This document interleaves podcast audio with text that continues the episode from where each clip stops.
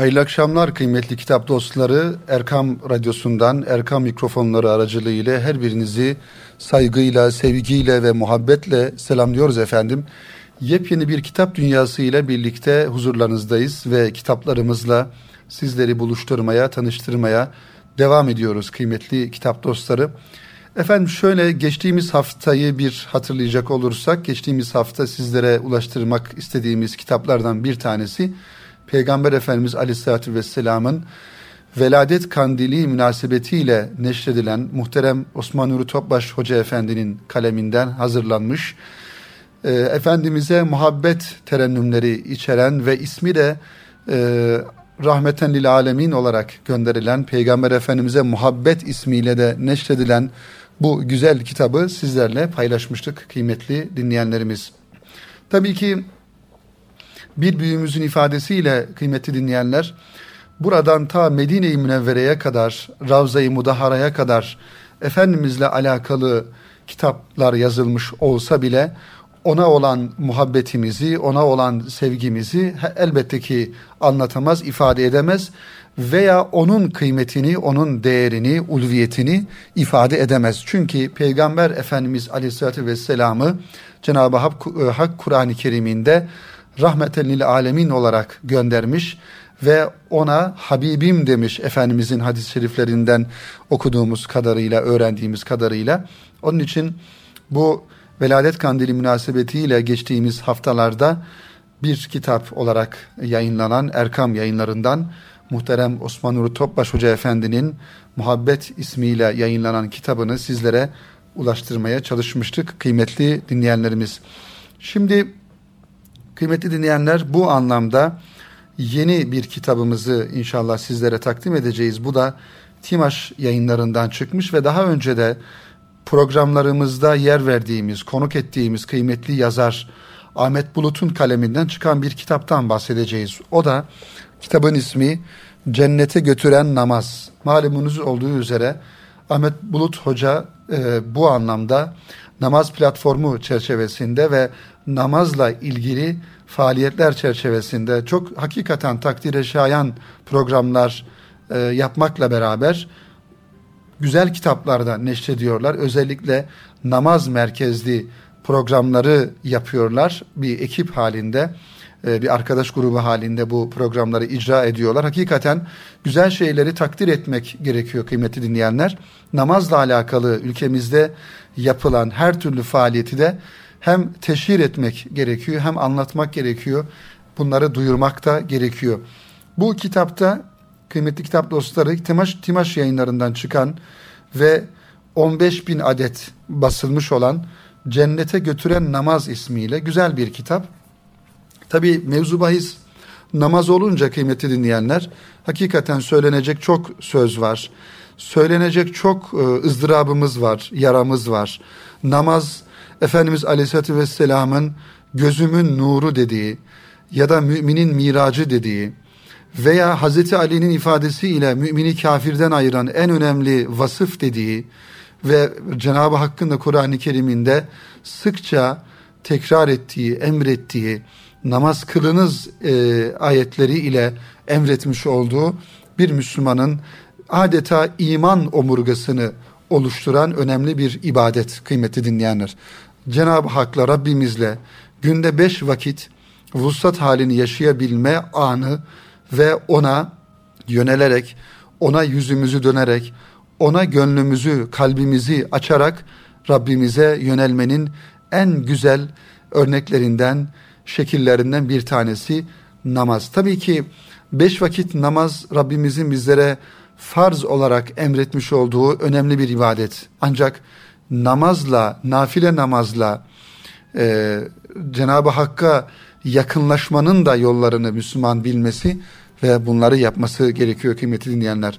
Onun için Ahmet Bulut Hoca da bu kitaba bu kitaba bakıyoruz ki burada isim olarak cennete götüren namaz ismini vermiş. Demek ki cennete götüren namaz olduğu gibi cennete götüremeyecek olan namazlardan da bahsedebiliriz. Zira e, Maun suresinde hani Rabbimiz buyuruyor ya yazıklar olsun o namaz kılanlara diye. İşte namazından gafil bir şekilde namaza durup namazda okuduklarından, namazda e, içinde bulunma, bulunması gereken o haleti ruhiyeyi taşımadan kılınan Allah muhafaza o namazlarımız şüphesiz e, işte yazıklar olsun o namaz kılanlara vasfını kazandıracak durumlar. Onun için tekbir aldığımız zaman kıymetli dinleyenlerimiz bir namaza durduğumuzda tekbir aldığımızda bütün dünyayı ve dünyaya ait olan her şeyi arkaya bırakabilme gayreti içerisinde olmak durumundayız. Ve yönümüzü, yüzümüzü Rabbimize dönerek Rabbimizle o vuslat halini, manevi buluşmayı ve Rabbimizden isteyeceğimiz şeyleri gerek dua halinde gerekse namaz halinde ondan isteyeceğimiz, arzu edeceğimiz şeyleri de namaz vasıtasıyla biz Cenab-ı Hakk'a ulaştırıyoruz ve e, gönlümüzü ona açıyoruz. İşte Ahmet Bulut Hoca'nın bu kitabından şöyle kısaca bahsetmeye çalışalım kıymetli dinleyenler. Diyor ki Ahmet Bulut Hoca, huşu ile kılınan bir vakit namaz, kulun Rabbine şükrünü ifadesinin en güzel yoludur. Namazı gözümüzün ve gönlümüzün nuru kılmak, Allah Resulü'nün aleyhissalatü vesselam yolunu yol edinmekten geçiyor şüphesiz. Resulullah Efendimiz sevindiğinde Rabbinin huzuruna koştuğu gibi üzüldüğünde de yine onun dergahına yüz sürerdi. Dünya tüm ağırlığıyla omuzlarına çöktüğünde medet bulmak için namazla Rabbine yak- yakarırken muvaffakiyetler karşısındaki şükrünü ifade için yine mübarek başını secdeye koyardı. Namaz onun gözünün nuruydu. Hiç düşündük mü bizim namazlarımız neden gözlerimize fer, cesetlerimize ruh olmuyor? Cennete götüren namaz, namazda huşuyu yakalayarak yeniden hayat bulmak isteyenler için pratik ve uygulanabilir reçeteler sunuyor. İşte bu elimizdeki kitap kıymetli dinleyenler. Tabii ki namazla alakalı namazın pratik anlamda öğrenilmesi ve uygulanabilmesi açısından kıymetli dinleyenler tabii ki ilmihal kitaplarına bu anlamda namazı anlatan, namazın nasıl kılındığını, namazın kaç rekat olduğunu, hangi surelerin okunduğunu, ne kadar okunduğunu vesaire, hangi vakitlerde kılındığını bunları elbette ki biz ilmihal kitaplarından öğrenebiliriz. Ancak bu anlamda hazırlanan işte cennete götüren namaz ismiyle hazırlanan huşu ile nasıl namaz kılabilirim sorusunun cevabını ilk etapta vermeye çalışan bir kitap ve namazla aramızdaki engellerin neler olduğuna dikkat e, çeken bir kitapta biz işte bu soruların cevaplarını e, buluyoruz, bulmaya çalışıyoruz. O yüzden Ahmet Bulut Hoca huşu ile nasıl namaz kılabilirim sorusunun cevabını çok farklı e, şekillerde, farklı cevaplarla vermiş. Biraz o e, konulara bakalım neler ifade ediyor inşallah. Ondan sonra da diğer kitaplarımıza kaldığımız yerden devam edelim kıymetli kitap dostları. Efendim huşu ile namaz nasıl kılabilirim sorusunun cevabını birinci olarak diyor ki yediklerine dikkat etmen gerekiyor. İnsanın tabii ki boğazından girenler, gözünden girenler, kulağından girenler nasılsa insanın manevi hali ve karakteri de ona göre bir şekil alıyor kıymetli dinleyenler. Onun için helal ve haram e, noktasında bir hassasiyet içerisinde olmak gerekiyor. Özellikle yediklerimiz hususunda yediğimiz, içtiğimiz e, gıdaların e, bu anlamdaki durumu çok önemli ve sadece helal ve haramlığına hassasiyet göstermenin yanında yemiş olduğumuz gıdaların e, sağlığımıza uygun olup olmadığı ya da göz hakkının olup olmadığı özellikle açık mekanlarda dışarıya açık mekanlarda umuma açık yerlerde yenilen yemeklerin yenilen gıdaların da şüphesiz çok daha hassasiyetle titizlikle e, ayırt edilmesi gerekiyor bu anlamda kıymeti dinleyenler.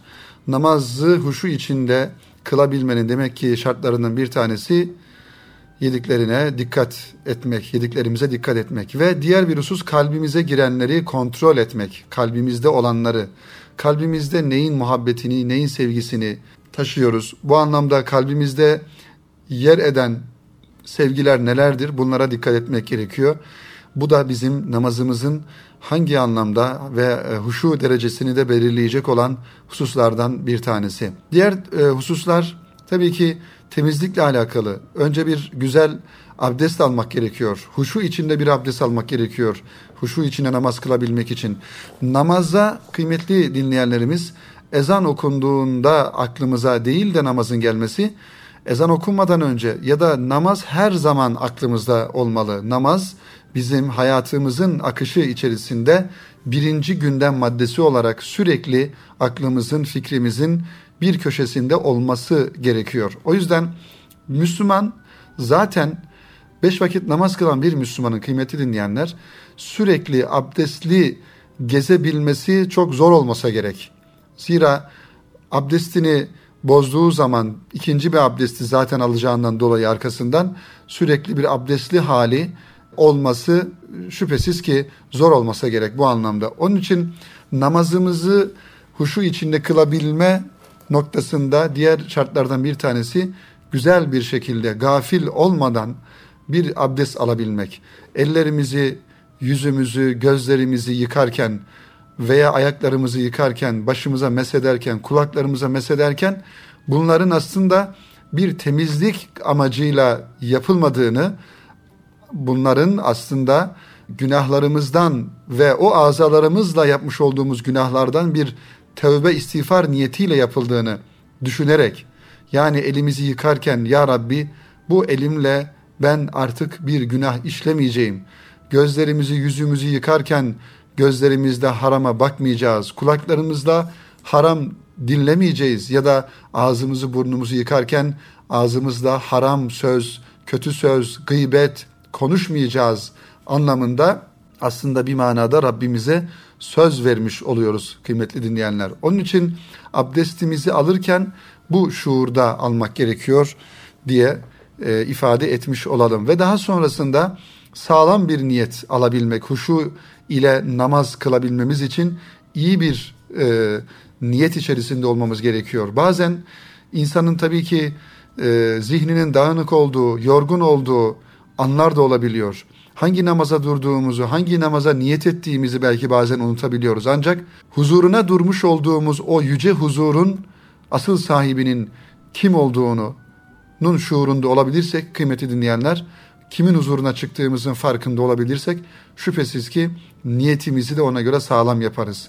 Öğle namazına, akşam namazı ya da herhangi bir namaz vaktine durduğumuzda o namazın şuurunda olarak bir niyet edebilmek ve daha sonrasında yönümüzü kıbleye dönmek ve rabıtamızı, kalbimizi, kalbi bağlarımızı o Kabe ile Kabetullah'la ve dolayısıyla da Cenab-ı Hak'la sağlayabilmek için de yönümüzü kıbleye dönmemiz gerekiyor. Ve tekbir alıyoruz daha sonrasında. Biraz önce ifade ettik tekbirin hangi anlamda olduğunu. Ellerimizi kulaklarımıza kaldırdığımızda Allahu Ekber dediğimizde bütün dünyalık ve dünyaya ait olan her şeyi arkaya bırakarak sana geldik ya Rabbi diyerek yönümüzü, yüzümüzü Rabbimize dönmüş oluyoruz.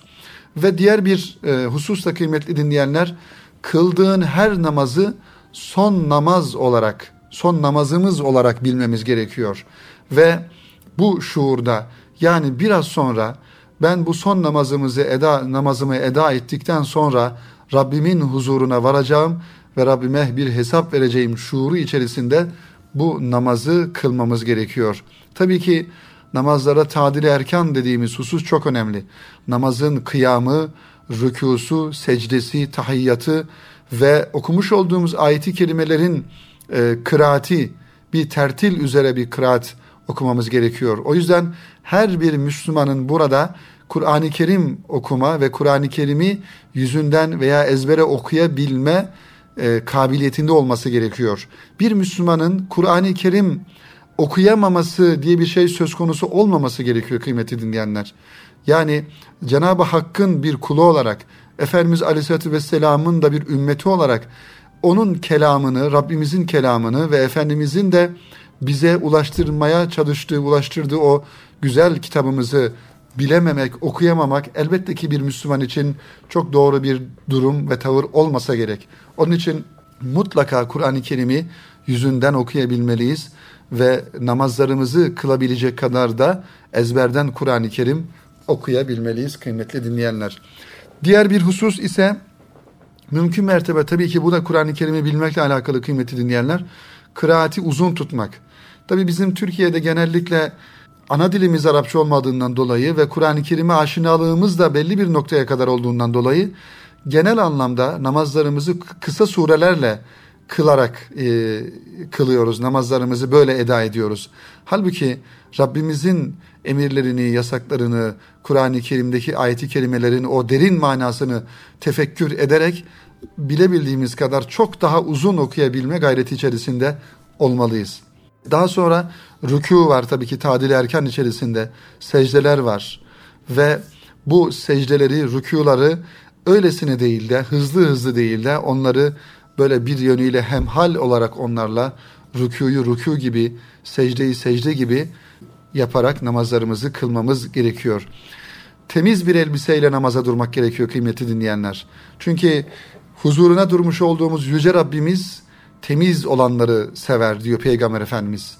Onun için elbisemizin manevi olarak kalbimizin, ruhumuzun temiz olması gerektiği gibi elbisemizin, üstümüzün, başımızın, her şeyimizin tertemiz olması gerekiyor ve mümkün mertebe namazlara durduğumuzda kıymetli dinleyenler veya cemaate katılırken, camiye giderken bir namaza duracağımızda mutlaka Efendimiz Aleyhisselatü Vesselam'ın sünnetinde olduğu gibi güzel kokular sürünerek üzerimize namaza durmalıyız. Çünkü namazlarda o namazlarımıza şüphesiz melekler de eşlik eder. Veya cemaatte kıldığımız namazlar içerisinde yanımızdaki insanı rahatsız etmememiz gerekiyor. Maalesef kıymetli dinleyenlerimiz bunu da bir parantez açarak ifade edelim ki günümüzde de sıkça rastlıyoruz. Bir namaza gittiğimizde, bir cemaate katıldığımızda bakıyorsunuz yanımızdaki kardeşimiz sigarasını içmiş, dışarıdan öyle gelmiş. Yani sigarasını söndürüp içeri girmiş ve o sigara kokusu olduğu halde olanca sigara kokusuyla geliyor namaza duruyor, safa duruyor ve yanındaki insanı rahatsız ediyor. O yüzden bunlara da mümkün mertebe dikkat etmeye çalışalım. Sigara içmek tabii ki bir Müslümana yakışır bir tavır değildir.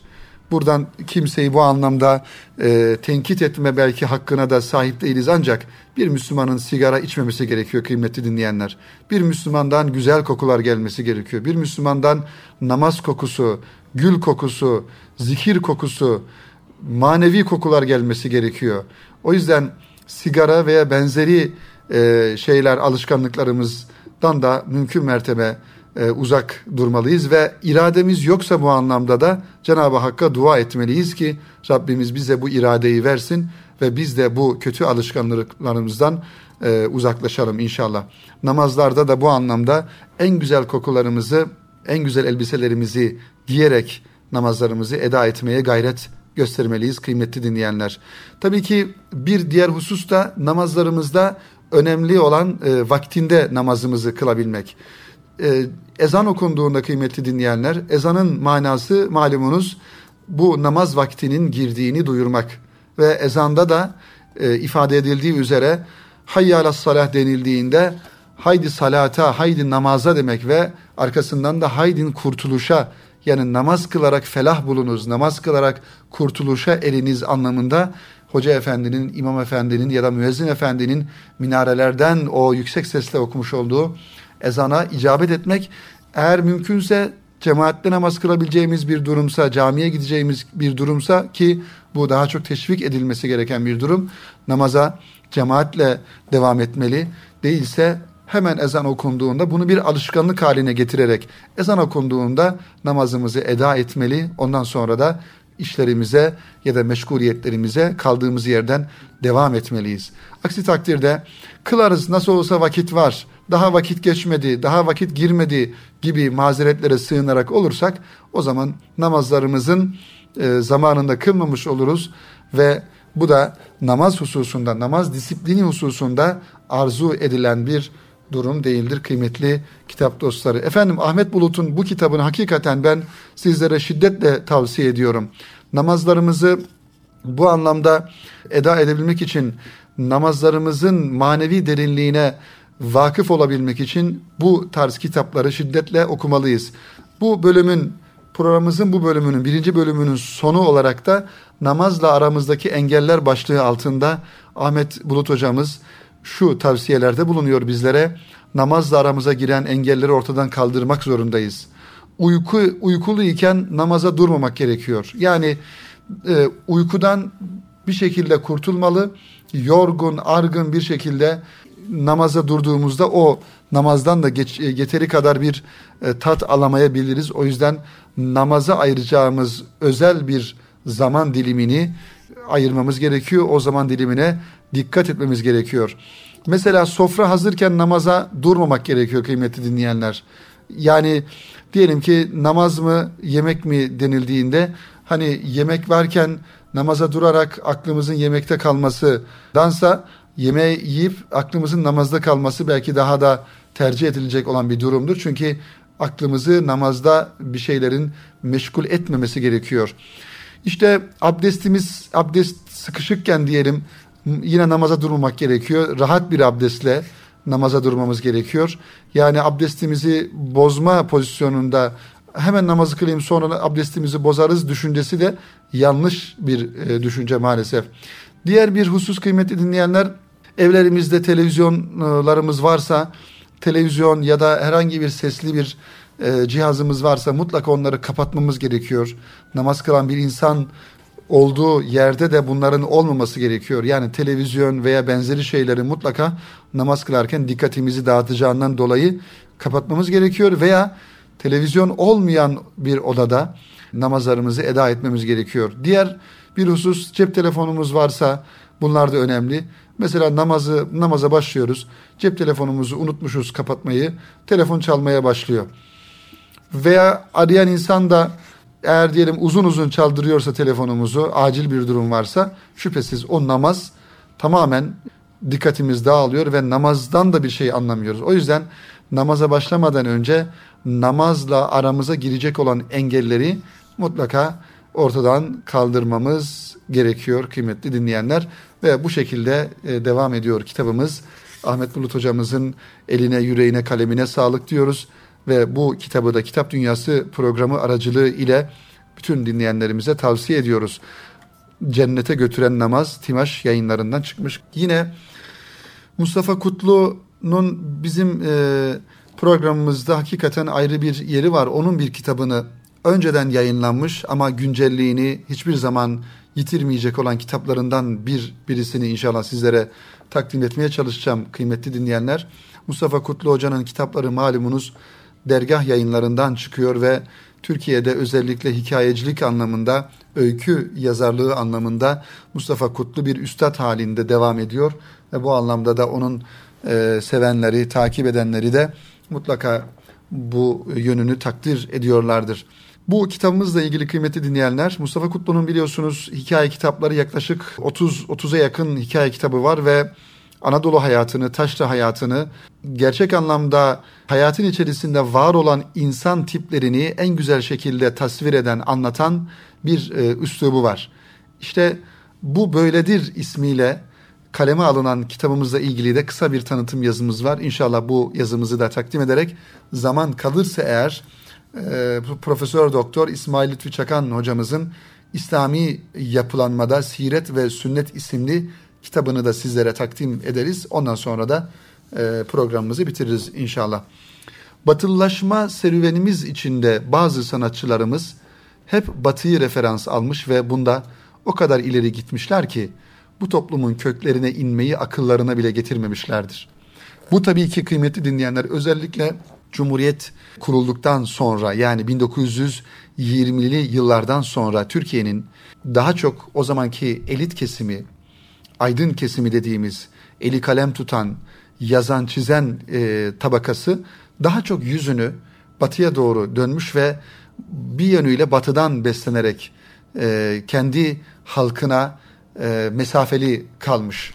Onun için bizim batılılaşma serüvenimiz Osmanlı Devleti'nin yıkılma süreci e, olan diyelim 1800'lü yıllardan sonra başlayıp aslında 1920'li yıllarda tamamen e, Osmanlı Devleti'nin e, ortadan kalkmasıyla e, geçerliliğini yitirmesiyle ve hilafetin de kaldırılmasıyla yeni bir devletin, yeni bir e, cumhuriyetin kurulması e, sürecinde başlayıp hala devam eden, belki 2000'li yıllara, şöyle 2015'li yıllara geldiğimiz şu yıllarda biraz daha kendi değerlerimize dönme gayretini görsek de ama bizim toplum yapımızda, aydın yapımızda, aydınlarımızın genlerinde şöyle bir batıya yüzünü dönme, bir batı hayranlığı maalesef devam ediyor. Bu anlamda bu bizim aydınlarımız kendi toplumlarının köklerine inmeyi akıllarına bile getirmemişler diyoruz. Akıllarına getirdiklerinde ise olumsuz çağrışımlar üzerinde durmuşlar. Allah'ın Es-Sani, Elbedi gibi sıfatlara sahip olduğunu ve evrenin Allah'ın sanatının bir tecellisi olduğunu gören bazı sanatçılarımız ise hiçbir şeyin olamayacağı gibi sanatın da Allah'tan bağımsız olamayacağını kabul ederler. İşte Mustafa Kutlu'nun da en bariz özelliklerinden birisi budur. Yani sanatın Allah'ın Allah'tan bağımsız bir şekilde düşünülmeyeceğini, kainatta, dünyada ne kadar güzellik varsa bu güzelliği yaratanın yüce bir varlık olduğunu ve Cenab-ı Hak olduğunu e, düşünmesi Mustafa Kutlu'nun. Mustafa Kutlu hikayelerinde kişiyi onun yaşadığı evi, evin bulunduğu mahalleyi, mahallenin bulunduğu şehri anlatırken bizim köklerimize işaret etmeyi asla ihmal etmemiş, bu toplumun medeniyet köklerine sürekli vurgu yapmıştır. Öyle ya, bin yılı aşkın bir süredir kendisiyle şekillenen değerlerden soyutlayarak bu toplum nasıl anlaşılabilir? O bunu görmezden gelmemiştir. Mesela birçok hikayesinde olduğu gibi Bu Böyledir isimli kitabında da bu hikayede de camiyi mekanın ayrılmaz bir parçası olarak yansıtır Mustafa Kutlu. Cami köyde, mahallede, şehirde vardır ve davetkardır. Yeşillikler içerisinde bir huzur kaynağıdır cami. Kıymetli dinleyenlerimiz ben buradan bir parantez açarak hemen şunu ifade etmek istiyorum. Konu buradan açılmışken bu anlamda biliyorsunuz son zamanlarda, son yıllarda özellikle biraz daha muhafazakar düşünen insanların belediyecilik anlamında yapmış olduğu faaliyetler tabii ki takdirle karşılanmalı ve iyi olanlar iyi, kötü olanlara kötü denilmesi gerekiyor. Ancak son dönemlerde özellikle şehirlerimizde bir şehir planlaması olarak baktığımızda, yeni yapılan yapılaşmalara baktığımızda hakikaten burada da ifade edildiği gibi cami ve ibadet merkezleri bizim şehirlerimizin merkezlerinden çok uzak bir şekilde. Hatta yok denecek kadar az. Binlerce konut yapılıyor, binlerce bina yapılıyor, ev yapılıyor. Bir bakıyorsunuz o binlerce evin içerisinde dini alan olarak ayrılan mekanlara bakıyorsunuz. O kadar yetersiz, o kadar az ki. O yüzden buradan bu anlamda sorumlu olan insanlara da seslenmek istiyoruz bir yönüyle. Seslerimizi, sesimizi duyuyorlarsa eğer bunu da işlemek ve söylemek gerekiyor kıymetli dinleyenler. Yeni yap, bakın bakınız e, bizim ecdadımız, bizim geçmişimize baktığımızda ki Efendimiz Aleyhisselatü Vesselam da Mekke'den Medine'ye hicret ettiği zaman ilk yapmış olduğu şey mescitti. Bizim ecdadımıza bakıyorsunuz gittiği yerlerde bir yere şehir kuracağı zaman, bir yere bir kasaba, köy kuracağı zaman ilk yaptıkları şey camidir. Camidir, handır, hamamdır. Ve onun yanında oluşan bedestenlerdir, çarşılardır. Ve ondan sonra şehir büyümeye başlar. Bakın Osmanlı şehirlerinin hepsine bakın. Hepsi bu şekildedir kıymetli dinleyenler. O yüzden İstanbul'a bakın. Merkezi yerlerde neden camiler var şimdi? Çünkü bizim ecdadımız oraya geldiğinde ilk yapmış olduğu şey oraya bir cami yapmak. Ve hayat camiden çoğalarak dağılıyor etrafa. Bizim hayatımızın merkezinde mescitler olması gerekiyor, camiler olması gerekiyor. Ama hayatımızın merkezinde kültür merkezleri, eğlence merkezleri, alışveriş merkezleri olursa o zaman bir İslam toplumundan söz etmemiz zordur. Maalesef ama maalesef zamanımızın şuurlu belediyecileri, şuurlu müteahhitleri dediğimiz insanlar dahi şehrin en güzel yerine alışveriş merkezleri yapıyorlar. En güzel yerine insanların eğlenecekleri yerler yapıyorlar. Halbuki en güzel yerine insanlar için ibadet merkezleri yapmak lazım. Toplum böyle dönüşür. Toplumun talebinin olup olmaması önemli değil burada.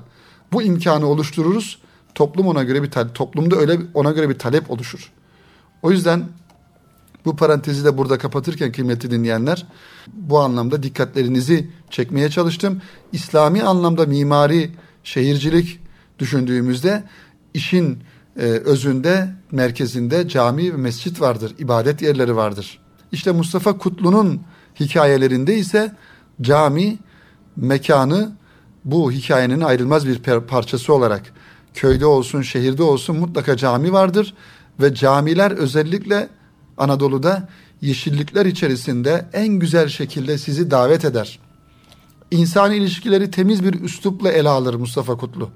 Bir hikayenin, bir romanın yazılması için illa çarpık ilişkilerin işlenmesi, cinsel tasvirlerin yapılması gerekmediğini, insanın tabii ve fıtri duygularının cinselliğin karanlığı içinde kaybedilmeden de anlatılabileceğini bize ispat eder Mustafa Kutlu. Bakınız burada da şunu ifade edeyim kıymetli dinleyenler. Şimdi Türkiye'de bir sürü televizyon var, özel televizyonlar var veya devlet televizyonları var. Yani böyle bir Allah'a şükür bir dizi izleme alışkanlığımız söz konusu değil ancak rastladığımız kadar bir bakıyorsunuz ki yani bir televizyon dizisinde hani İslami kanal dediğimiz kanallarda dahi bir televizyon dizisindeki ilişkiler ağına bakıyorsunuz. Bir tane bile örnek bir insan göremiyorsunuz. Hep çarpık ilişkiler, çarpık karakterler, olumsuz karakterler, olumsuz mesajlar. Yani bu bizim insanımızın kaderi olmaması gerekiyor. Bu konuda aynı şekilde bu konuda yazan, çizen, bu konuda söz söyleme konumunda olan ya da yetkili insanların da bunlara dikkat etmesi gerekiyor. Kaldı ki bizim aile yapımız yani Türk milletinin aile yapısının en çok bozulma sebeplerinden bir tanesi de maalesef işte bu televizyonlardaki dizilerdeki karakterler, buradaki örnekler. O yüzden bunu da burada e, bir kez daha ifade etmiş olalım kıymetli dinleyenlerimiz. İşte Mustafa Kutlu da illa bir romanda, bir hikayede e, çarpık ilişkiler anlatılmadan da güzel örnekler ortaya konularak e, bir takım şeylerin anlatabileceğini bir yönüyle bize ispat eder. Bir kuş sesi kadar güzel, bir ney sesi kadar içli ve bir çimen yeşili kadar ferahlatıcı bir üslubu yanında Mustafa Kutlu hikayelerinde farklı anlatım tarzlarını başarıyla kullanır. Örneğin bu kitapta anlatıldığı gibi bu hikayenin bir yerinde Kur'an'ın çokça kullandığı çarpıcı ve dikkat çekici üslubu kullandığı gözden kaçmaz. Ağaçların devrildiği, kayaların demir matkaplarla delindiği, suların önünün kesildiği zaman, bulutların kirlendiği zaman, o durgun göl kenarında, kamışlıkta akşam balıkların ve su kuşlarının, rüzgarın ve titreyen çimenlerin, kertenkelenin, sincabın ve tarla kuşunun birlikte söylediği ilahi ansızın kesildiği zaman. Görüldü ki ovayı bir baştan bir başa bıçak gibi kesen geniş, kara, parlak, sıvaşık bir yol açılıvermiş. İşte Mustafa Kutlu'nun ifade tarzı bu şekilde kıymetli dinleyenler. Tasvirleri çok canlıdır. Berrak suyuyla şarıl şarıl akan bir dereyi tasvir ediyorsa size o suyun sesini güneşin altın sarısı rengiyle suda yansımasını hatta suyun tadını bile hissettirir. Daha da ötesi tasvir etmediği halde derenin etrafındaki yeşillikleri ve suyun altında yıkana yıkana kaygan, kayganlaşmış küçük renkli taşları bile görürsünüz Mustafa Kutlu'nun hikayelerinde.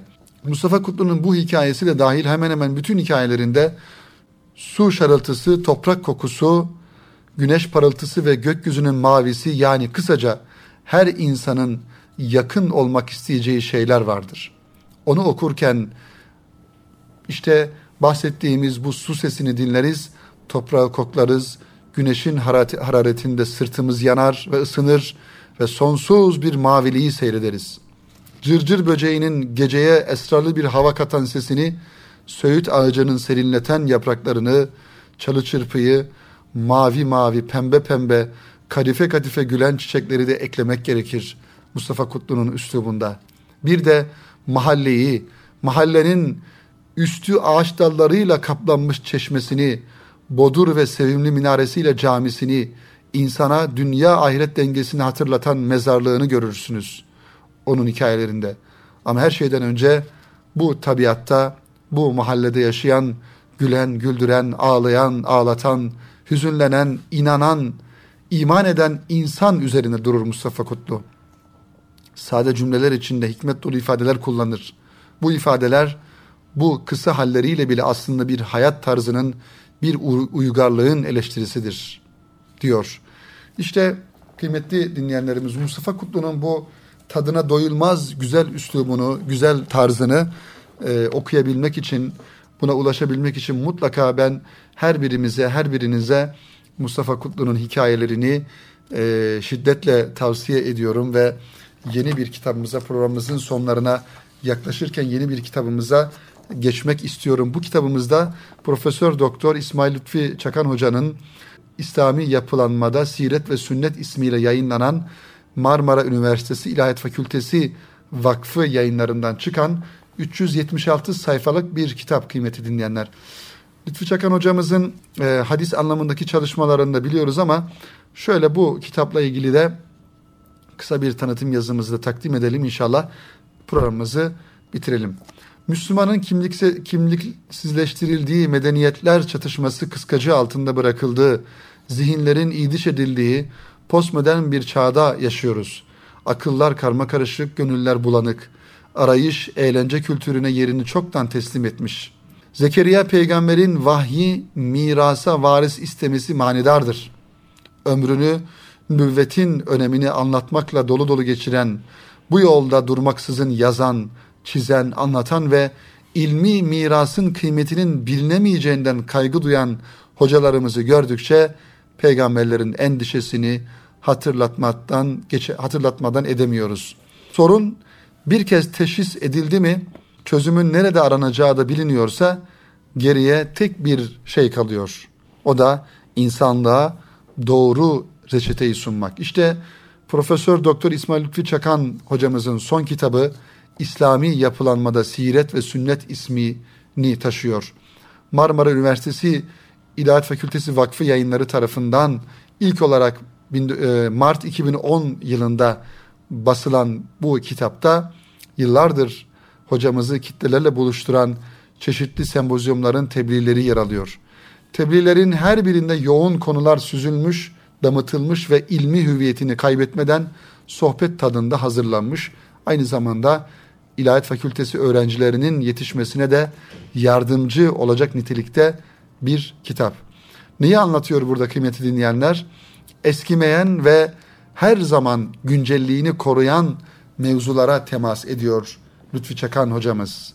Siret ana başlığı altında Hazreti Peygamber aleyhisselamın şefkatini, hüznünü, sevincini, özlemini, haklarını, zor zamanları nasıl aştığını anlatıyor ve diplomatik girişimlerini bizlere özetliyor. Sünnet ana başlığında ise sünnetin güncelliğini sünnete karşı çıkanlara adeta izah ediyor. Medeniyet ve sünnet, Müslümanın hayatı ve yozlaşma gibi başlıklarla bize sünnet ana başlığı altında hocamız düşüncelerini takdim ediyor kıymetli dinleyenler. Bu kitabı da mutlaka okumalıyız ve bu şekilde birikimli ve tecrübeli hocalarımızın yazdıklarının şüphesiz hem ilmi derinliği hem manevi ağırlığı da elbette ki farklıdır.